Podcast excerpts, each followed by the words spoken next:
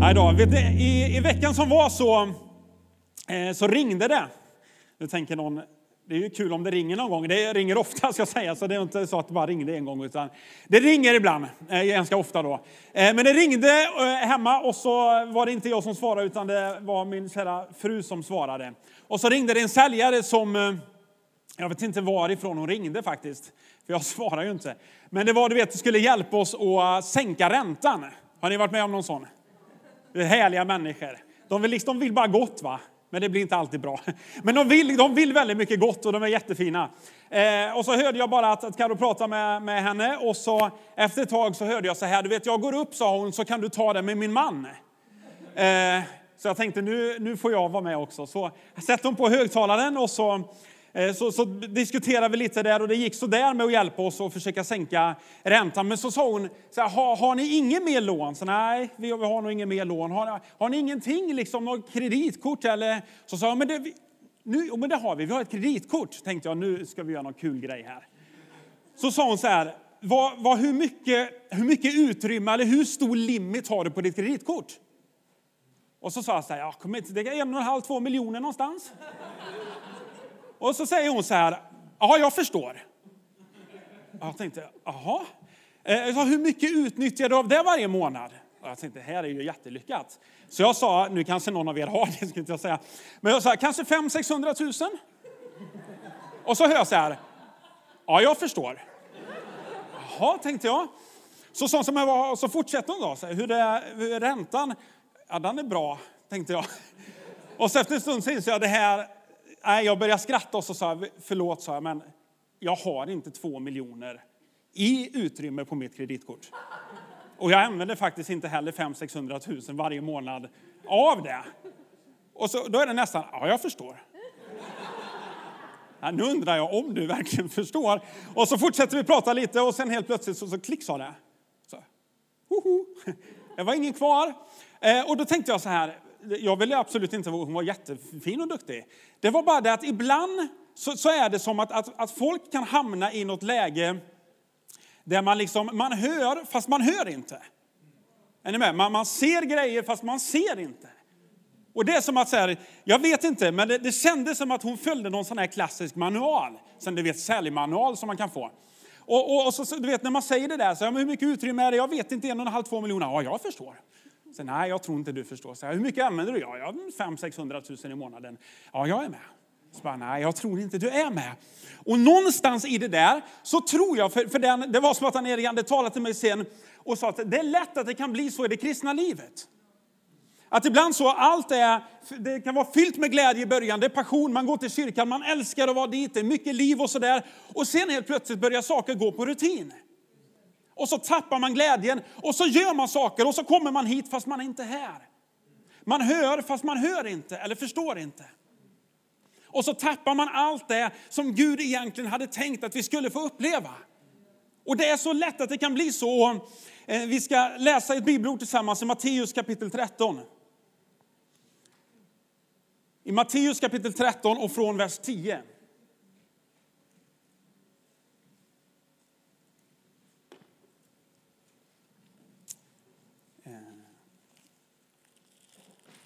Ska se Matteus kapitel 13 eh, och från vers 10. Så kommer lärjungarna fram till Jesus. Eh, och så säger de så här, lärjungarna kom fram och frågade Jesus, varför talar du till dem i liknelser? Och Jesus svarade dem, ni har fått lära känna himmelrikets hemligheter. Men de har inte fått det. Den som har ska få och det, och det är överflöd, men den som inte har ska bli fråntagen också det han har. Därför talar jag till dem i liknelser, för att de ser utan att se. Och de hör utan att höra eller förstå. Ibland är det så, till och med här, så, så lärjungarna kommer fram och säger, men Jesus varför, varför är det på det här sättet? Varför talar du så här till dem? Och Jesus säger därför att de ser, men de ser inte. Hej, de hör, men de hör inte eller förstår inte det jag säger. Och jag tror så många gånger i våra liv att, att, att allt det där handlar om våra hjärtan. Det handlar om hjärtat. Det är lätt i början att det kan vara liksom passionerat, det kan vara underbart, men så blir det rutin. Och så när rutinen kommer in så tappar man glädjen och när glädjen tappas så blir hjärtat hårt. Och när hjärtat blir hårt så ser man inte längre. Man hör inte, man är inte med. Och jag tror att vi behöver uppmuntra varandra och, och, och få hjärtan som är liksom rena, som är mjuka inför Gud. För det är så lätt att våra hjärtan kan bli hårda. Och Jesus, du vet, om, om hjärtat blir hårt ska jag säga så, så dör så mycket. Har ni, har ni mött någon människa som har något hårt, nej det ska jag inte säga. Man kan möta människor ibland som har hårda hjärtan. Och du vet, det är, det är så tragiskt. För det enda, det där det hårda hjärtat, det är så, det är så liv, så, så frånvarande av liv ska jag säga. Det har bara blivit liksom, allt är jobbigt, det är trögt, det är negativt, det är dåligt, allting. Men Jesus han sa så här eh, i Johannes att tjuven kommer bara för att stjäla, slakta och döda. Jag har kommit för att de ska ha liv. Och liv i överflöd. Overflow, där har vi det. Jag har kommit för att de ska ha liv och liv i överflöd. Jag är den gode herden, säger Jesus. Den gode herden ger sitt liv för fåren. Jesus deklarerar och säger supertydligt, den onde, djävulen, Satan, vad man nu vill kalla honom för, han kommer för ett syfte. Slakta, stjäla, döda, förgöra. Han vill ingenting annat. Han vill att du inte ska må bra. Han vill att det ska bli splittring. Han vill att du ska ha det liksom negativt. Han vill att du ska dö. Det är hans syfte. Och vi behöver vara medvetna om det. Och i det så säger Jesus, jag har kommit, varför då? För att ni ska ha liv. Hej, jag har kommit för att inte bara ni ska ha liv, utan ni ska ha liv i, i överflöd. Jag vill att ni ska ha mer än liv. Ni ska ha superliv. Ni ska ha mycket mer än liv. Och vet du vad, om du möter en människa som har Jesus på insidan så är det ofta väldigt mycket liv. Du vet, om möter man någon som har ett hjärta som är fyllt av Jesus, jag är övertygad om att vet, den människan, det bara lyser om honom eller henne. Ja, ni vet, att se människor du vet, som lyser av, det här är härligt va? Jag tänkte, vad är det alla tittar på? Här uppe någonstans. Det är liv. Det är lite festligt så, disco. Du vet, jag tror att när vi är fyllda av Jesus Kristus så är vi fyllda av liv och är man fylld av liv så märks det. Du vet när man var, när Jesus gick här på jorden så ville människor vara med honom. Var han än gick fram så drogs människor för att man ville vara i hans närvaro. Det fanns någonting i och runt Jesus Kristus som attraherade människor. De ville lyssna till honom, de ville möta honom, de ville spendera tid med honom. Överallt så står det att, att människor i tiotusental ville komma nära Jesus. Varför? För att han var full av liv. Och du vet att jag, jag, tror att du och jag som kristna människor, om Jesus fyller våra liv så vill människor vara med oss. Människor vill komma nära dig, spendera tid med dig, se vem du är. Varför? Därför att de vill se vem Jesus är. Så ja, du, du vet, om du har någon människa som, som du känner så här, här är det mycket glädje. Det har, det har vi alla. Du vet, det finns människor jag tycker det är kul att du ska inte du sitta vara orolig. Tänk om inte han tycker det är kul att umgås med mig nu. jo då, jag tycker det är kul att umgås med alla möjliga människor. Men det finns de ibland som man bara känner så här, den här människan, det, det, finns, det är alltid härligt. Alltså jag säger inte att det inte finns problem och så, men någonstans så ser man alltid lösningar. Det finns alltid någonting positivt. Även om de lever i en massa utmaningar, det kan vara problem, det kan vara sjukdom, så är det ändå bara fullt av liv. Varför då? Därför att de har ett hjärta som är fyllt av Jesus. Och du vet, jag, nu outar jag honom i alla fall då. Men jag reser ju ibland och har med mig Håkan. Är Håkan här eller? Nej, inte idag. Väldigt fin kille. Du vet när, när vi är ute och reser, det, det, man kan fråga honom om i stort sett vad som helst. Han bara, det fixar jag sen. Sen Håkan, vi behöver åka, vi, vi behöver åka klockan sju på söndag morgon till nästa gudstjänst. Så får vi sovmorgon, säger han. Och du vet, skiner upp. Och, och, det finns, oavsett var man är så är det alltid så här, det är härligt. Och då är det inte så här, ja men det är bara för att han, det finns inga utmaningar. Det finns många utmaningar. Och det finns tuffa grejer och man genomgår grejer. Men någonstans så är det ett hjärta som bara är fyllt av Jesus. Och jag tror att det är så att när Jesus flyttar in så får man någonstans allt vad han är på insidan. Och då kan man stå i situationer att det kommer sjukdomsbesked, sjukdomsbesked och det kommer svåra saker och man kan bli av med jobb och eh, lön kan förändras och ekonomiska förhållanden. Men mitt i allt det där så kan man ändå känna glädje. Mitt i varför då? Därför att Jesus bor på insidan. Därför att hjärtat är uppfyllt av honom. Jesus sa, jag har kommit för att de ska ha liv.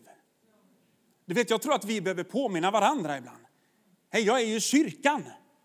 Du vet, andens frukter är ju kärlek, glädje, tålamod, frid, uthållighet, gudsfruktan tänkte jag säga. Det finns alla möjliga. Får rätta mig sen. Men kärlek, glädje, frid. Så det är härligt idag. Det är liksom så här. Bibeln säger ändå att hos Jesus är det ingen växling mellan ljus och mörker. Han är bara ljus. Och det får vi hålla hårt i. Här kan det ändras ibland och det växlar lite och sådär, men inte hos honom. Han är densamme. Du vet, saker kan ta uppmärksamhet ibland, va? Men ni kan bara se på mig.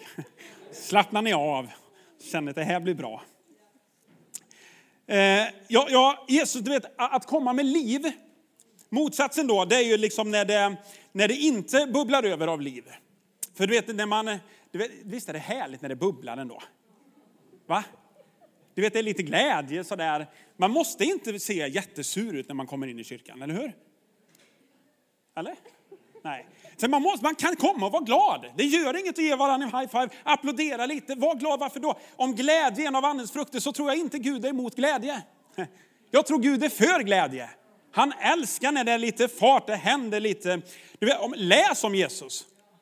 Där händer det väldigt mycket grejer. Hela tiden. Och det blev inte alltid som alla ville. Det var helt annorlunda. Eh, och Ordspråksboken säger så här, om man nu tittar på hjärtat, för jag tror att det är väldigt viktigt att det vi ska bevara det är vårt hjärta. Så står det i Ordspråksboken 4.23, mer än allt som ska bevaras, bevara ditt hjärta, för därifrån utgår livet. Så är det någonting vi ska vaka över så är det våra hjärtan. Om hjärtat är fyllt av Jesus så är det fyllt av liv. Och vi behöver vaka över det så att inte saker kommer in och förstör det. För det är väldigt lätt att saker kan komma in. Man kan tillåta liksom en, att någon har sårat en, så har man ett val. Antingen så låter man den där grejen komma in i hjärtat och så håller man kvar vid den. Och gör man det så lever man i oförlåtelse och så blir det liksom saker som kommer in som gör hjärtat hårt. Och efter ett tag så tappar man den där glädjen och ett hårt hjärta blir väldigt, väldigt självcentrerat. Då handlar det alltid, du vet, möter man människor med hårda hjärtan så är det om du visste vad jag har fått möta. Om du visste vad jag får genomlida, om du visste de grejer jag genomgår, om du bara visste vad jag, jag, jag, ja men vet du vad? Tänk om vi kunde se på honom istället. För ett, ett hårt hjärta blir alltid att det handlar om mig själv. Ett mjukt hjärta ser alltid på Jesus. Ser alltid på andra människor, lyfter alltid andra människor. Och jag tror att det är utmaningen. Varje dag så kommer vi alla möta saker som kommer försöka attackera vårt hjärta. Vi kommer hela tiden stå inför beslut att människor säger någonting, människor gör någonting. Varför? Därför att det är människor. Eller hur? Hade vi varit eh, perfekta hade vi varit Gud. Och det är jag glad att vi inte är. Utan vi kommer alltid möta människor som gör saker mot oss, omständigheter kommer, eh, utmaningar kommer och hela tiden kan du och jag välja, ska det få fäste i mitt hjärta eller ska det inte få fäste? Det kommer komma saker som slår in och som du kan hålla, välja att hålla emot människor och hjärtat blir hårt, det blir kallt, det blir tråkigt, det blir ensamt. En människa som har ett kallt hjärta blir ofta, ofta en väldigt ensam människa. För ingen vill umgås till slut. För det är alltid fel på alla andra. Det är alltid fel på varje sammanhang man kommer till. Man undrar hur det är det om du bara visste vad jag har genomlidit igen. Och nu säger jag inte det för att raljera och säga att det inte finns problem, inte utmaningar, inte tuffa passager. Tvärtom. Men mitt i de där så kan vi bevara våra hjärtan rena. Mitt i det där kan du och jag välja vem som ska liksom regera i vårt hjärta. Vi har hela tiden ett val att hålla fast vid oförlåtelse, hålla fast vid bitterhet, hålla fast vid människor, saker som människor har gjort emot oss. Eller bara inse att det där får rinna av ibland. Jag kommer med det till Gud och så låter han mitt hjärta fortfarande vara mjukt fortfarande var helt, fortfarande var överlåtet. Jag tror att tillåter vi bitterhet eller oförlåtelse så blir eh, livet så negativt. Det blir ensamt och jag tror att så mycket sår skapas på insidan. Men vet du vad, mitt i allt det där så tror jag att Jesus han kallade oss för han kom att ge oss liv och liv i överflöd. Att han kom för att ge oss liv innebär inte att allt var enkelt. Att han kom för att ge oss liv i överflöd så innebar det inte att det inte finns utmaningar, att det inte finns tuffa passager. Jesus sa aldrig kom och följ mig så får du världens enklaste liv. Men han sa kom och följ mig och jag har lovat att vara med dig alla dagar intill tidens slut. Så många gånger så, så upprepar han och säger Jesus har lovat att vara med. Genom de tuffa passagerna, genom de enkla passagerna så säger han jag är med dig. Han sa inte det blir lätt, han sa jag är med dig. Jag kommer ge dig den kraft du behöver för att ta dig igenom. Och då inser man sig, men vad är det som gör eh, att hjärtat bevaras rent? Vad är det som gör att hjärtat fortfarande ska vara mjukt? Jag tror att det handlar om att man måste vaka över de egna stunderna med Jesus. Du vet, det var som, eh, jag går tillbaka till hon som ringde och sa där, hur, hur stor limit har du? Och, och, och till slut så, man hör ju inte för det är bara rutin. Och man kan komma till kyrkan och tycka att livet är underbart. Man kommer hit för att möta Gud, för att lovsjunga. Man känner en sån glädje. Men så blir hjärtat lite hårt, man är lite besviken på någonting som händer. Och till slut så kommer man hit och så är det fel på allting. Man kommer hit, man ser fast man ser inte. Man hör fast man hör inte, eller förstår inte. Och man ser inte så, men människor blir frälsta, människor blir döpta, människor möter Gud. Det är underbart, men han har fastnat i någon slags oförlåtelse eller bitterhet på någonting annat. För att hjärtat har blivit hårt. Så vad gör man för att bevara det rent? Fortsätta umgås med Jesus. Ha kvar den där liksom första kärleken till honom. Jag tror att det som gör hjärtat hårt, det är när vi tappar ensamheten med Gud. De där promenaderna man hade när det kanske bara var du och Gud. Man gick där och umgicks med honom. Man satt och läste Bibeln varje dag och fyllde sig med hans ord. Plötsligt så tappar man det där. Och så blir det en dag man hoppar över bibelläsningen och så blir det två dagar och sen så är det inte så ofta man läser Bibeln. Och sakta men säkert så smyger sig den där hårdheten in. Eller den där lovsången man hade, den är bara bubblat till Jesus. Man var så tacksam för att han hade förvandlat ens liv.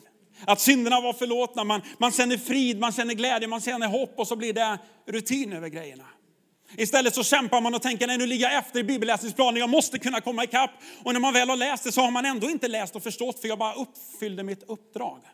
Jag bockade av ännu en dag på min bibelläsningsapp eller min plan. Och så tappar man att man skulle umgås med Gud. Det är så lätt varje dag så ber jag nästan Gud, och det är den vanligaste bönen jag har tror jag. Låt mitt hjärta vara mjukt. Gud, låt det aldrig smyga sig in någonting som gör hjärtat hårt. Som låter det få fäste i mitt liv, att jag skulle leva i oförlåtelse eller kallhet eller att det skulle bli apati eller likgiltighet. Låt mitt hjärta vara mjukt. Låt det vara passionerat. För när man kommer och saker börjar bli rutin och man börjar tappa glädjen så är det ett tecken på att hjärtat börjar bli hårt. När man kommer och bara gör saker för att man måste göra det så börjar det vara en liten tendens till app, app, app, stanna upp. Hej, vaka över ditt hjärta. Vaka över de ensamma stunderna med Gud. Vaka över dina promenader, vakna över din bibelläsning. Vaka över din lovsång, vaka över din bön, vaka över din gemenskap med Gud. För där i finns källan till liv.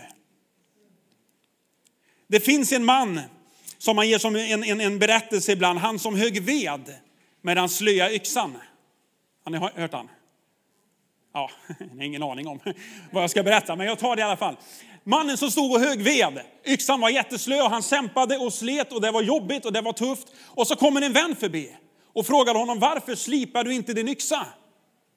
Och den här mannen står där och tycker det är jobbigt, den här vedhögen är enorm. Han säger, jag har inte tid. Jag ska hugga all den här veden, jag har inte tid att slipa yxan. Och så dårskap, vet du vad? Det är precis det som händer i våra liv ibland. Vi säger det kommer in så mycket att jag har inte tid att umgås med Gud nu. Jag hinner inte be, jag hinner inte läsa Bibeln, jag hinner inte göra det som skulle göra mitt liv så mycket enklare.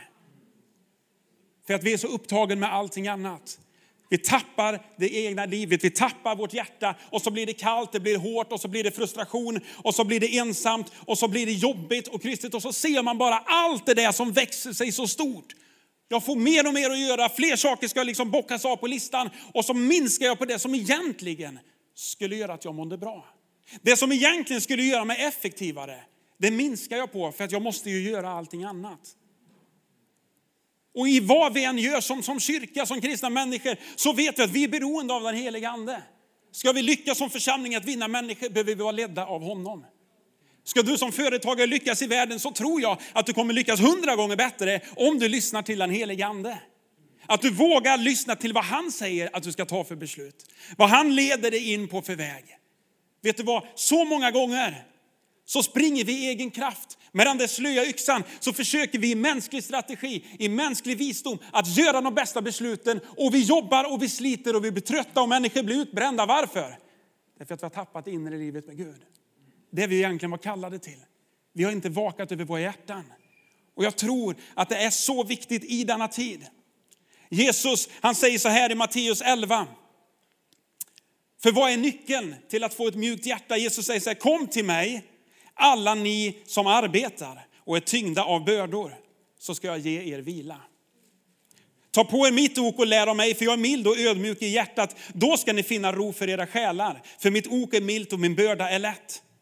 Så Jesus säger mitt i allt det där, om nu hjärtat skulle bli hårt så säger han kom till mig. Kom till mig, säger han, alla ni som är nedtyngda, alla ni som har de här bördorna, man börjar orkar inte mer. Så säger han kom till mig, lasta av hos mig. Ta det där, kasta hos mig, så ska jag hjälpa dig vidare. Jag lastar av dig, jag ger ny kraft, jag ger ny glädje, jag ger ny passion. Det handlar om att vi måste vaka över våra hjärtan. Vi måste se till att ingenting får fäste där som skäl platsen som Gud ska ha. Oavsett om det skulle vara människor som har sårat dig, eller det skulle vara bitterhet, eller oförlåtelse, besvikelse, sjukdom, vad den kan vara som kommer i livet.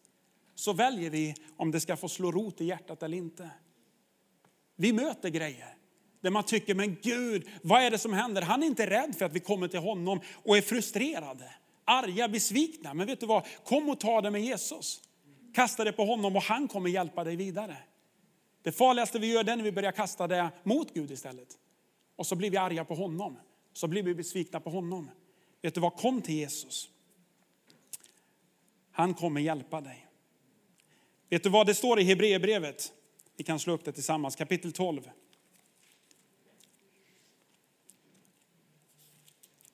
En annan nyckel i allt det där är att, att hela tiden försöka se på Jesus. För det, det ensamma livet när vi, när vi börjar bli självcentrerade, när vi bara ser på vårt eget och man kommer och det blev inte som jag ville. Eller som jag hade tänkt, eller det blev inte på mitt sätt. Mitt i allt det där så, så uppmanar Hebreerbrevets författare oss att, att lyft blicken istället och se på Jesus. Du vet, jag kommer inte i första hand till kyrkan för att allt ska ske på mitt sätt. Då hade det inte sett ut som det gör. Det är säkert. Så många gånger så måste vi ge upp egna saker. Eller vet, vi som kyrka, vi har, vi har en dröm. Du vet när vi talar om Betel, när vi talar om Guds hus, så är det att vi vill bygga en plats dit människor kan komma för att möta Gud. Det är ju det vi vill göra. Vi är inte ute efter att alla hela tiden, vi ska, du vet, om vi skulle försöka uppfylla allas önskan i allting, vi kan ge upp. Men vi vill bygga en plats dit människor kan komma för att uppleva Gud. Vi vill bygga en plats dit människor kommer och får sina hjärtan förvandlade.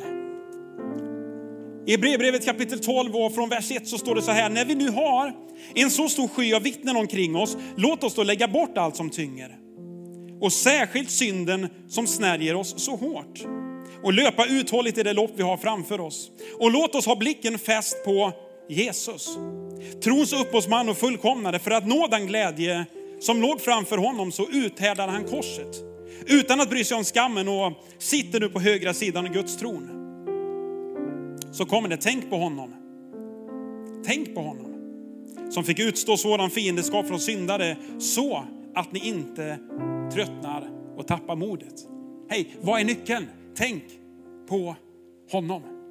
Varför? Så att vi inte tröttnar och tappar modet. Varför? Så att vi inte tröttnar och tappar modet. Vad ska vi göra för att inte tröttna? Tänka på honom. Vad ska vi göra när vi börjar tappa glädjen? Tänk på honom. Vad ska vi göra när kraften börjar sina? Tänk på honom. Vad ska vi göra när vi tycker alla är emot mig, omständigheterna är emot mig? Om du bara visste vad jag får genomlida, tänk på honom. Att se på Jesus mitt i det svåraste av det svåra, så förändras perspektivet. Jag tycker ibland så möter man tuffa grejer, men också har jag förmånen att resa runt i världen och jag möter människor som har det betydligt svårare än jag har det. Och så förändras perspektivet igen och så hjälper Jesus mig och så tänker jag på honom. Jag möter tuffa grejer och så ser jag på Jesus och inser att han bar hela världens synd. Han bar hela världens sjukdom, problem, all utmaning bär han, bar han upp på korset i sin egen kropp. så säger Bibeln, tänk på honom. Så när det jobbigaste kommer, då lyfter jag blicken. För att inte tröttna, för att inte tappa modet, så tänker jag på honom. Och du vet när jag satt och förberedde så, så frågade jag du vet, den här berättelsen med hon säljaren. Som, som, som sa, ja men jag är med. Jag är med. Ja men du är inte med. Och du vet det är som att, att, att den helige ande bara viskar till mig och säger, det finns, det finns så många hjärtan som var med men som inte är med längre.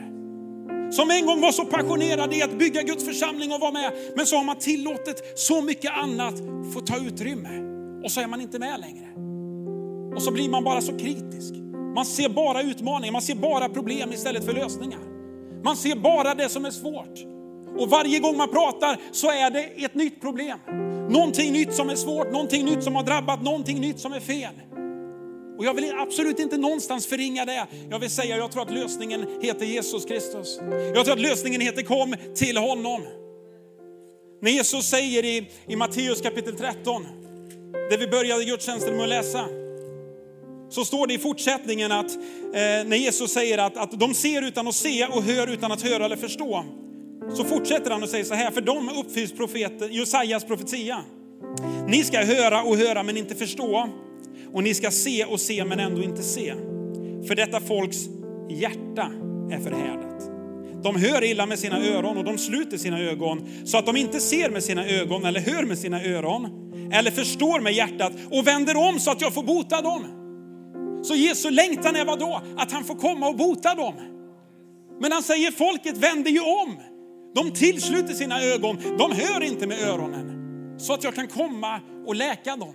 Jag vill ingenting annat är det som att han säger. Jag vill ingenting annat än att få hela deras hjärtan. Jag vill ingenting annat än att förlåta dem. Jag vill ingenting annat än att hjälpa dem. Men de väljer hela tiden att blunda. De väljer hela tiden att hålla för öronen. De väljer hela tiden att låta andra saker få fylla hjärtat. Vet du vad, den här söndag förmiddagen är en plats där Jesus Kristus är närvarande. Nej, vet du det, Jesus Kristus är här den här gudstjänsten för att han vill möta med oss. Och jag tror att den helige ande sa till mig, vet du vad, idag så är det en söndag där människor kan få komma med sina hjärtan och få dem hela. En, en söndag när vi kan komma med våra hjärtan och säga Gud, förlåt mig att jag har låtit så mycket annat ta utrymme och plats i mitt liv. Vet du vad, idag är en söndag när hjärtan kan få bli hela. När hjärtan på nytt kan få förfyllda av glädje, av passion, av liv. När man får ta allt det gamla, all den här bitterheten, all oförlåtelse, allt man har tillåtit och så tar man det och så kastar vi det på Jesus. Och så säger han, vet du vad, nu ska jag göra livet fyllt av glädje igen. Jag har kommit, varför då? För att ni ska ha liv och liv i överflöd. Jag tror att Gud har kallat oss att gå härifrån idag med glada hjärtan. Med hjärtan som bubblar över. Med hjärtan där det lyser Jesus. Och man undrar sig, vad är det med folket i Pingstkyrkan? De lyser Jesus. Du vet, det är det jag vill höra. Jag vill inte höra, men det är de som är så sura, irriterade, de gnäller över allting. Nej, nej, vi är folket som lyser. Eller hur? Folket som passionerat hjälper till. Nu är de där igen och säger, kan vi sträcka ut en hand, kan vi hjälpa till, kan vi göra någonting? Varför? Det är för att vi har Jesus insidan, eller hur? Vi har Jesus boendes på insidan. Det är vår passion, det är vår längtan. I Johannes 7 så står Jesus i en högtid, det är den sista dagen. Jag ska avsluta med det här. Ni kan få ställa er upp tillsammans med mig. Så står, så står Jesus i, i Matteus, nu ska vi se, i Johannes 7 och 37. Så står det på den sista dagen, den största i högtiden, så står Jesus och ropar, om någon är törstig så kom till mig och drick. Den som tror på mig, som skriften säger, ur hans innersta ska strömmar av levande vatten flyta fram. Detta sade han om anden som de skulle få som trodde på honom. Här så hade ännu anden inte blivit utgjuten för att Jesus inte hade blivit förhärligad. Vet du vad han säger? Kom till mig och drick. Vem då? Den som törstar. Kom till mig och drick, säger han. Och vet du vad som händer? När du kommer till Jesus och dricker så blir det en källa på insidan. Du behöver inte söka i någonting annat, plötsligt finns det på insidan. För att få den där källan att flöda på nytt så behöver ditt hjärta bara vända sig till Gud. Du behöver ingenting annat. Utan när du gör det så börjar det bli liv på insidan. Du vet, du bara känner hur det bara är så härligt. Det bubblar, det är glädje, det är liv, det är passion. Varför? Det är för att Jesus bor på insidan.